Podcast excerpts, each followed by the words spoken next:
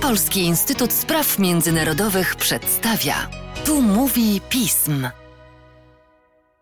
Tu mówi pism. Dzień dobry Państwu, przy mikrofonie Mateusz Józwiak, a wraz ze mną dzisiaj goszczę z wielką przyjemnością po raz pierwszy Tomasza Zająca. Jest to analityk Polskiego Instytutu Spraw Międzynarodowych w programie Unia Europejska. Jego obszarem zainteresowań są przede wszystkim kwestie związane z funkcjonowaniem instytucji europejskich oraz aspektami związanymi z procesem wyborczym do Parlamentu Europejskiego. A dziś szczególnie mamy o czym rozmawiać w tych kwestiach. Cześć Tomku, miło Cię gościć. Cześć Mateuszu i dzień dobry Państwu. Jak wiemy, korupcja nie jest zjawiskiem nowym i wraca do nas częściej niż byśmy tego chcieli, na różnych płaszczyznach życia, zarówno tego społecznego, jak i politycznego. Czasem jednak, pomimo pewnych rozwiązań i zaawansowanym mechanizmom, które potrafią im przeciwdziałać, no cóż, znajdzie szczelinę, przez którą dostaje się do kluczowych z perspektywy spraw międzynarodowych miejsc. W omawianym dzisiaj przypadku, a rozwiniętym szerzej w e, ostatnim biuletynie Tomka, do którego bardzo serdecznie Państwa zachęcam, pojawiła się taka sytuacja w Parlamencie Europejskim. Od grudnia zeszłego roku kilka osób zostało aresztowanych. Kto, za co i dlaczego? O tym już w dalszej części naszego dzisiejszego nagrania. Zacznijmy może jednak od podstaw. Tomku, czym jest Qatargate i jaki miała przebieg? Przydomkiem Qatargate opisuje się rzekome, rzekome, ponieważ postępowanie prokuratury belgijskiej cały czas trwa i nie zapadł jeszcze żaden wyrok. E, natomiast opisuje się rzekome działania korupcyjne, jakich miała się dopuścić grupa związana z Parlamentem Europejskim, w tym Ewa Kaili, która była, już nie jest e, wiceprzewodniczącą parlamentu i należała do grupy mm, socjalistów i demokratów. Francesco Giorgi, czyli e, jej partner życiowy oraz asystent posła do Parlamentu Europejskiego, Pier Antonio Panzeri, były poseł do Parlamentu Europejskiego i również członek e, grupy e, socjalistów i demokratów oraz Nicolo Figa Talamanca, ówczesny sekretarz generalny organizacji pozarządowej, która się nazywa No Peace Without Justice. Niektórzy uważają, że to jest największa afera wśród instytucji unijnych, co najmniej od czasów komisji Jacques'a Santera, e, która też na tle takich zarzutów korupcyjnych musiała ustąpić w 1999 roku. Samo określenie Qatargate e, wzięło się stąd, że to właśnie przedstawiciele władz Kataru e, mieli przekupywać tych wymienionych przeze mnie ludzi. Natomiast warto też podkreślić, że samo śledztwo belgijskiej prokuratury nie ogranicza się tylko do tego państwa Zatoki Perskiej, ale e, także bada wpływy takich państw jak Maroko czy Mauretania. Jeśli chodzi o sam przebieg Qatargate, to trzeba powiedzieć, że to były wydarzenia, które myślę, że mogły być materiałem na film. Niewykluczone, że tak się stanie za kilka lat. Myślę, że tak. Myślę, że to, to może być wdzięczny temat dla filmowców, ponieważ tam się działy takie wydarzenia, jak e, na przykład e, ojciec Ewy Kaili został przyłapany z walizką wypchaną 600 tysiącami euro, które miał zawieźć do e, właśnie Georgiego, czyli partnera Ewy Kaili, ponieważ ona go poprosiła, swojego ojca, żeby to zrobił, ponieważ twierdziła, że to nie są pieniądze, które należą do niej, a były w jej posiadaniu w tamtym momencie. Sam Georgi powiedział tak e, właśnie sentencjonalnie, że zrobiłem wszystko dla pieniędzy, których nie potrzebowałem. W ogóle w trakcie samego śledztwa, ze względu na fakt, że były, że jakby osoby, które były w kręgu zainteresowania, były wysoko postawione, to żeby uniknąć jakiegoś ryzyka wycieku, takiej informacji, że takie śledztwo się odbywa. E, nie używano w takiej komunikacji między sobą ich nazwisk, e, tylko określano ich używając nazwy koloru. Jest też na przykład takie wydarzenie bardzo filmowe, wydaje mi się to, jak e, w momencie, kiedy w grudniu następowały aresztowania tych osób i też prokuratura belgijska chciała przeszukać dom jednego z tych posłów i zgodnie z prawem belgijskim nie można przeszukać domu posła, jeżeli na miejscu nie znajduje się przewodnicząca Parlamentu Europejskiego, a dodatkowo jeszcze te, te przeszukania nie mogą następować po 21. W związku z czym zadzwoniono do Roberty Metzoli, która z Malty musiała przylecieć do Belgii, po czym e, samochodem pędzić e, do tego miejsca. Żeby zdążyć z czasem. I dosłownie 10 minut przed dziewiątą się tam e, pojawiła i nastąpiło, nastąpiło to przeszukanie. Tak więc było dużo takich dramatycznych momentów. W ogóle na przykład dziecko Ewy Kaili, właśnie Francesco Giorgiego, ma dwa lata i od czterech miesięcy praktycznie nie widziało swojej mamy. Więc, no mówię, dużo takich dramatycznych, mocnych wydarzeń tam się wydarzyło. Natomiast y, to, co jest kluczowe, myślę, to to, że w grudniu zeszłego roku, tak jak już wspomniałem, nastąpiły aresztowania tych osób, które wymieniłem. Dodatkowo e, już w tym roku uchylono najpierw immunitet dwóm innym posłom do Parlamentu Europejskiego, także z grupy socjalistów i demokratów, i ich również aresztowano, chociaż też już część z tych osób aresztowanych jest e, na wolności, została wypuszczona.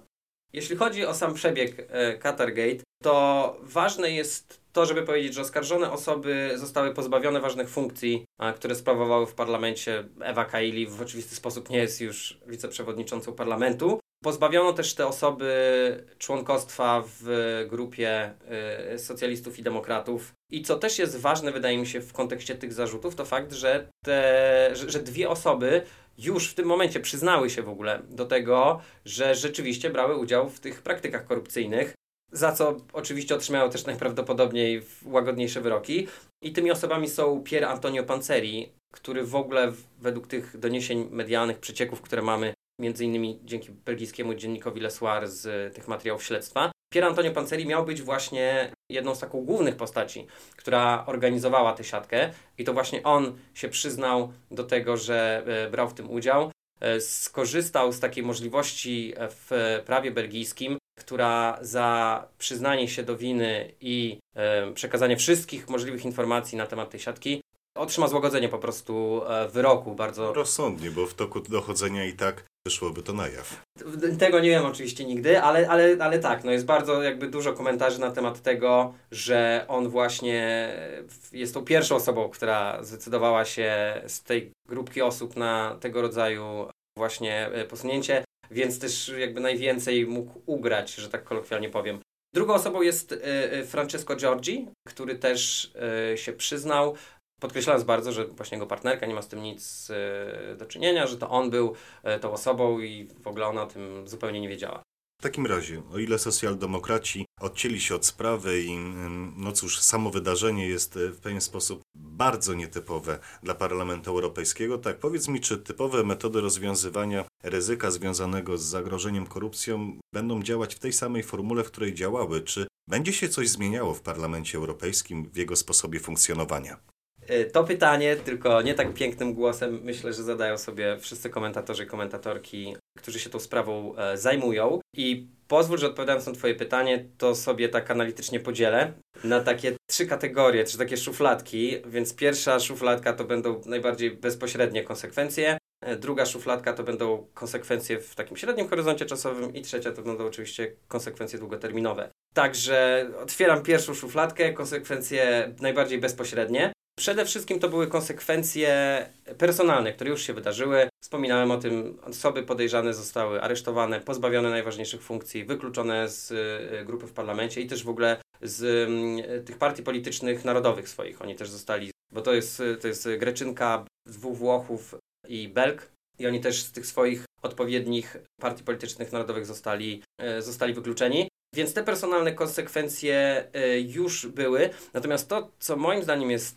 ciekawe i takie wartościowe, to jest to, że sama ta atmosfera uruchomiła y, pewnego rodzaju y, jakby łańcuch wydarzeń. To znaczy wprowadziła pewien rodzaj takiej atmosfery, która ewidentnie da się wyczuć w momencie, kiedy się czyta o różnych rzeczach, które dzieją się w parlamencie, w którym dużo bardziej opinia publiczna, ale też same instytucje się przyglądają w taki dużo surowszy sposób przestrzeganiu pewnych standardów. I przykładem tego, jak ta atmosfera działa w praktyce, w, moim, w mojej opinii, e, jest sprawa jednego z urzędników Komisji Europejskiej, ponieważ samo Qatargate w ogóle jest postrzegane wśród innych instytucji unijnych raczej jako wewnętrzny problem Parlamentu Europejskiego, a w ramach samego Parlamentu Europejskiego często jest postrzegane jako wewnętrzny problem frakcji socjalistów i demokratów. Natomiast po pierwsze wydaje mi się, że też właśnie szersza opinia publiczna nie do końca rozróżnia, jakby jest to dla nich trochę taki homogeniczny twór te, te instytucje unijne. No a po drugie, bardzo wiele instytucji unijnych miało do czynienia z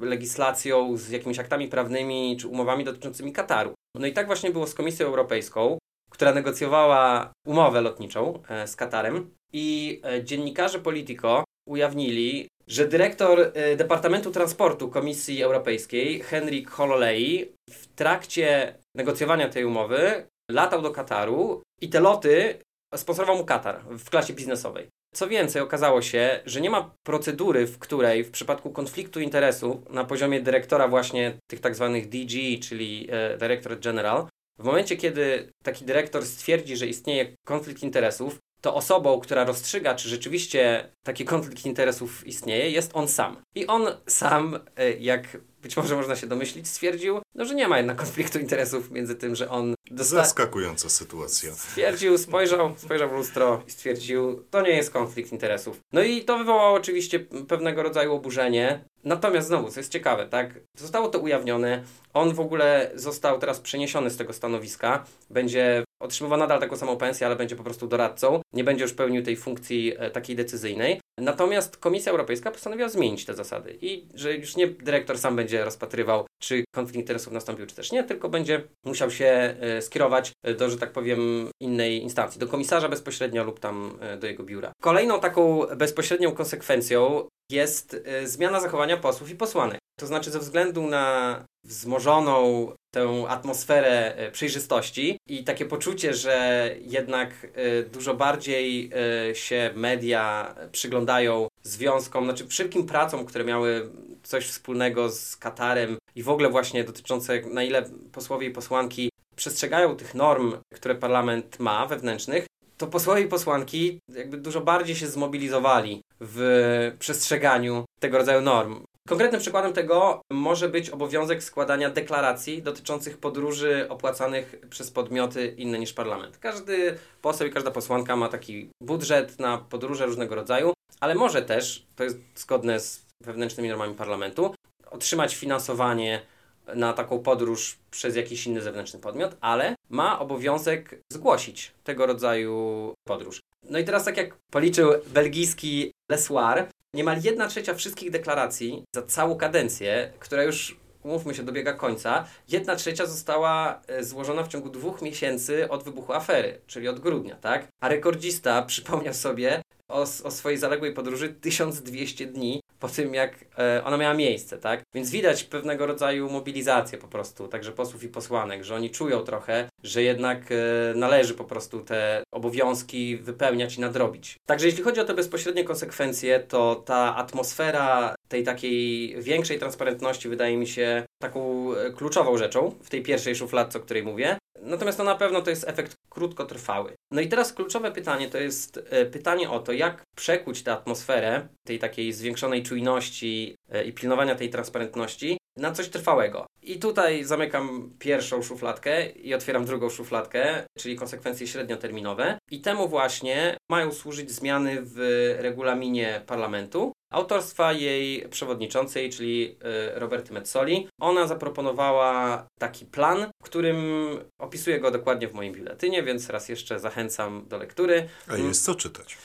Dziękuję bardzo. Natomiast jeśli chodzi o te właśnie konsekwencje y, średnioterminowe, to mm, przekuciem tej, tej atmosfery, która panuje teraz, tej zwiększonej wrażliwości na te kwestie transparentności, jest między innymi plan Roberty Metzoli, który zakłada zmiany w różnych obszarach, między innymi w regulaminie e, Parlamentu Europejskiego.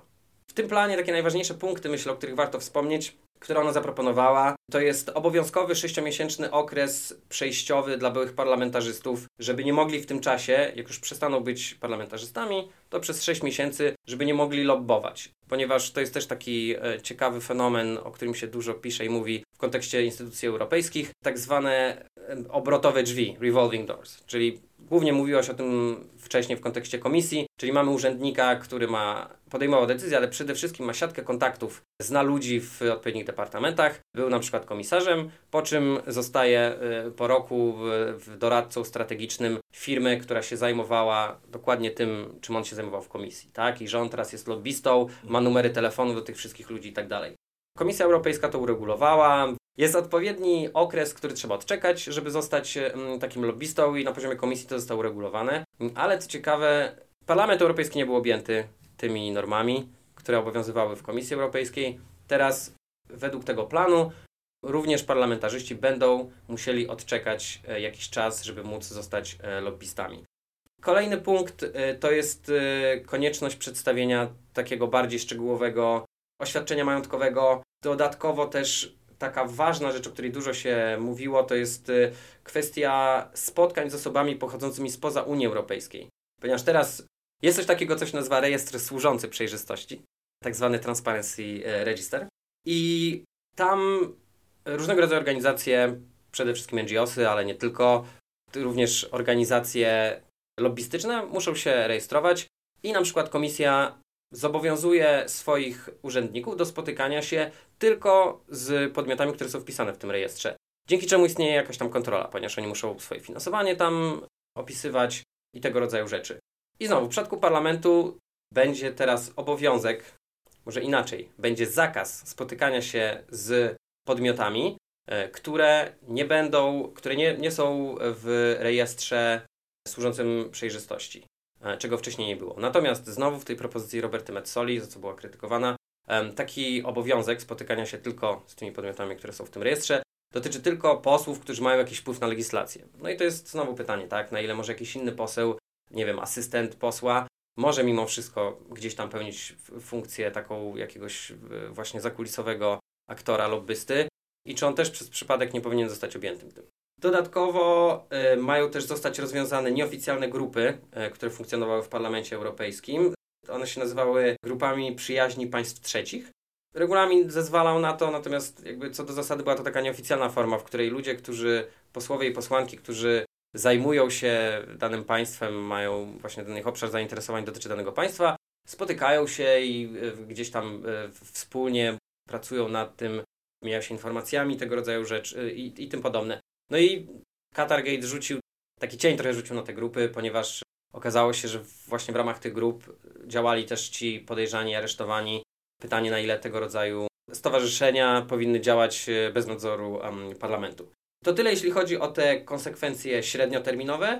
I zamykam drugą szufladkę i otwieram trzecią, ostatnią szufladkę, czyli konsekwencje e, długoterminowe. Tutaj najważniejsze i kluczowe to jest utworzenie nowej instytucji etycznej, która by się zajmowała monitorowaniem różnego rodzaju standardów w mm, działalności instytucji unijnych. I to jest y, taka rzecz, która mogłaby być naprawdę dużo zmienić i być takim, jak to się po angielsku mówi, game changerem, czyli mogłaby zmienić zdecydowanie relacje sił.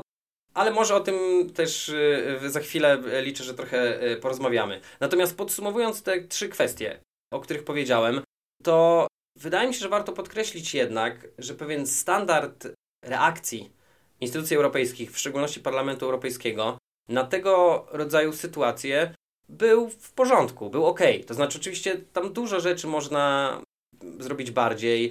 Część działań można ocenić jako działania pozorowane. Ten, mówiłem o tym okresie sześciomiesięcznym zakazu lobbingu, ale tak naprawdę 6 miesięcy pierwsze kadencji Parlamentu Europejskiego to jest ten okres, kiedy się tworzą różnego rodzaju komisje. Tam się nie dzieje realna praca legislacyjna, więc to jest takie trochę udawanie, że to coś zmieni. Bo i tak ten prawdziwy lobbying to się zaczyna dopiero później. Więc można krytykować jasne z różnych punktów te propozycje. Natomiast wydaje mi się, że warto jednak podkreślić, że tam, tak jak mówię, ten standard reakcji wydarzyło się coś, tak? Nie zostało to zamiecione pod dywan. Zaangażowane i podejrzane osoby zostały wykluczone z najważniejszych decyzyjnych organów. Został opracowany plan naprawczy, średnioterminowy i długoterminowy.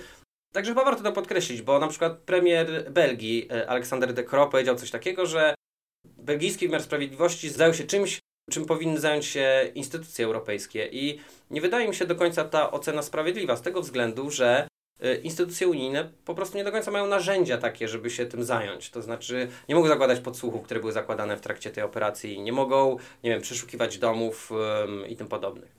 Tomku, w takim razie pora na podsumowanie. Mamy tutaj kwestie związane z nowymi organami, nowym e, działaniem czym będzie niezależny unijny organ do spraw etyki i powiedz nam jeszcze, czy aktualnie istnieją w Unii Europejskiej jakieś instytucje, które zajmują się skutecznym monitorowaniem kwestii związanych z naruszaniem etyki? E, zacząłbym od drugiej części Twojego pytania, bo wtedy łatwiej będzie nam też zrozumieć, jaką funkcję ma pełnić ten nowy organ. Bardzo proszę. Więc e, tak, w Unii Europejskiej istnieje e, nawet powiedziałbym cała architektura instytucjonalna, która ma za zadanie pilnować właściwego funkcjonowania instytucji unijnych. Po angielsku często te instytucje nazywa się watchdogami, e, czyli psami łańcuchowymi.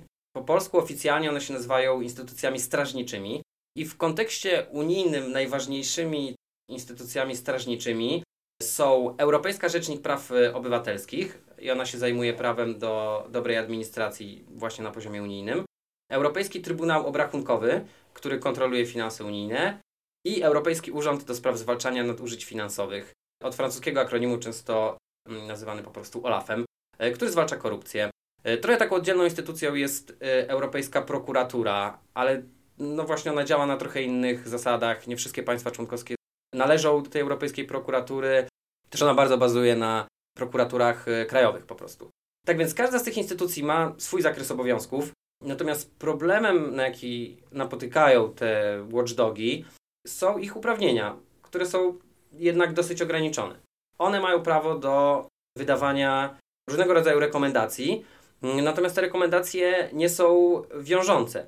To jest ciekawe, dlatego że te rekomendacje, pomimo faktu, że nie są wiążące, to też bardzo często są przestrzegane przez instytucje unijne, ponieważ wydaje mi się, że powodem tego jest to, że one się jednak boją trochę tego, że w momencie, kiedy nie będą przestrzegały tego rodzaju rekomendacji, to, to media to podchwycą i to jest po prostu zła prasa, tak? Natomiast y, jakby fakt, że te rekomendacje nie są wiążące, no jednak trochę wiąże ręce tym y, instytucjom. One nie mogą nakładać żadnych kar finansowych, nie mogą nikogo pozbawić żadnej funkcji. I to właśnie z tego powodu, tych ograniczeń, padł pomysł na to, żeby stworzyć to nowe ciało etyczne. I teraz to nie jest pomysł nowy w ogóle i też w wyborach do Parlamentu Europejskiego w 2019 roku Ursula von der Leyen, jak jeszcze nie była um, przewodniczącą komisji, a jedynie kandydatką, to deklarowała, że ona jest zwolenniczką powstania tego rodzaju instytucji. Jak już została powołana na przewodniczącą, to powierzyła misję utworzenia takiej instytucji Werze Jurowej, e, która jest wiceprzewodniczącą komisji, żeby stworzyła takie ciało. No i od tamtego czasu zapadła cisza z jednej strony urzędnicy komisji mówią, że inne instytucje nie są chętne, żeby podjąć rozmowy w tej mhm. sprawie. Z drugiej strony parlament na przykład uchwalił rezolucję w 2021 roku, w którym przypominał i wzywał do tego, żeby uchwalić te, te instytucje. Natomiast tak czy siak, no, nie był to najwyraźniej na tyle priorytet komisji, żeby o tę sprawę walczyć i do momentu wybuchu Qatargate e, nic się e, nie wydarzyło. Natomiast w momencie, kiedy Qatargate się stało, pomysł wrócił i jest dużo większy to momentum, o którym też mówiłem, tak, jest jakby dużo lepsze mm, i w związku z tym y, są dużo większe szanse, że znajdzie się po prostu taka wola polityczna, żeby to, y, żeby to przeprowadzić. Jeśli chodzi o jego uprawnienia, tego nowego ciała, to y, nie znamy ich, tak, dopiero ma opracować właśnie Vera Jurowa, ma opracować pomysł na to, jak ta instytucja ma funkcjonować. Różne przecieki, przesłuchy krążą między innymi właśnie idee, które mówią, że to powinno być w końcu ciało, które nakłada wiążące rekomendacje, które jakby ma ten pazur, którego trochę brakuje tym pozostałym instytucjom. E, natomiast zobaczymy. Zobaczymy, jak to będzie wyglądało, jak projekt zostanie przedstawiony. Natomiast e, wyposażenie takiej instytucji w realne uprawnienia, też odpowiedni personel, myślę, że naprawdę może być znaczącą zmianą. Natomiast też to, co wydaje mi się interesujące, jest to, że cała ta afera pokazuje niestety trochę, że instytucje zmieniają się y, od kryzysu do kryzysu. No właśnie. Szanowni Państwo, o tym, czy nowy niezależny unijny organ do spraw etyki pozostanie niezależny, o tym jak dalej będą się rozwijały kwestie związane z funkcjonowaniem instytucji europejskich, czy Qatargate jest tylko wierzchołkiem góry lodowej i okaże się, że mamy do czynienia z większą ilością podobnych przypadków. No cóż, o tym dowiemy się w najbliższych miesiącach. Będziemy to bacznie obserwować razem z Tomkiem, a tymczasem bardzo serdecznie dziękuję Ci za dzisiejsze nagranie. Bardzo dziękuję. A tymczasem z mojej strony to wszystko. Dziękuję Państwu za uwagę i do usłyszenia.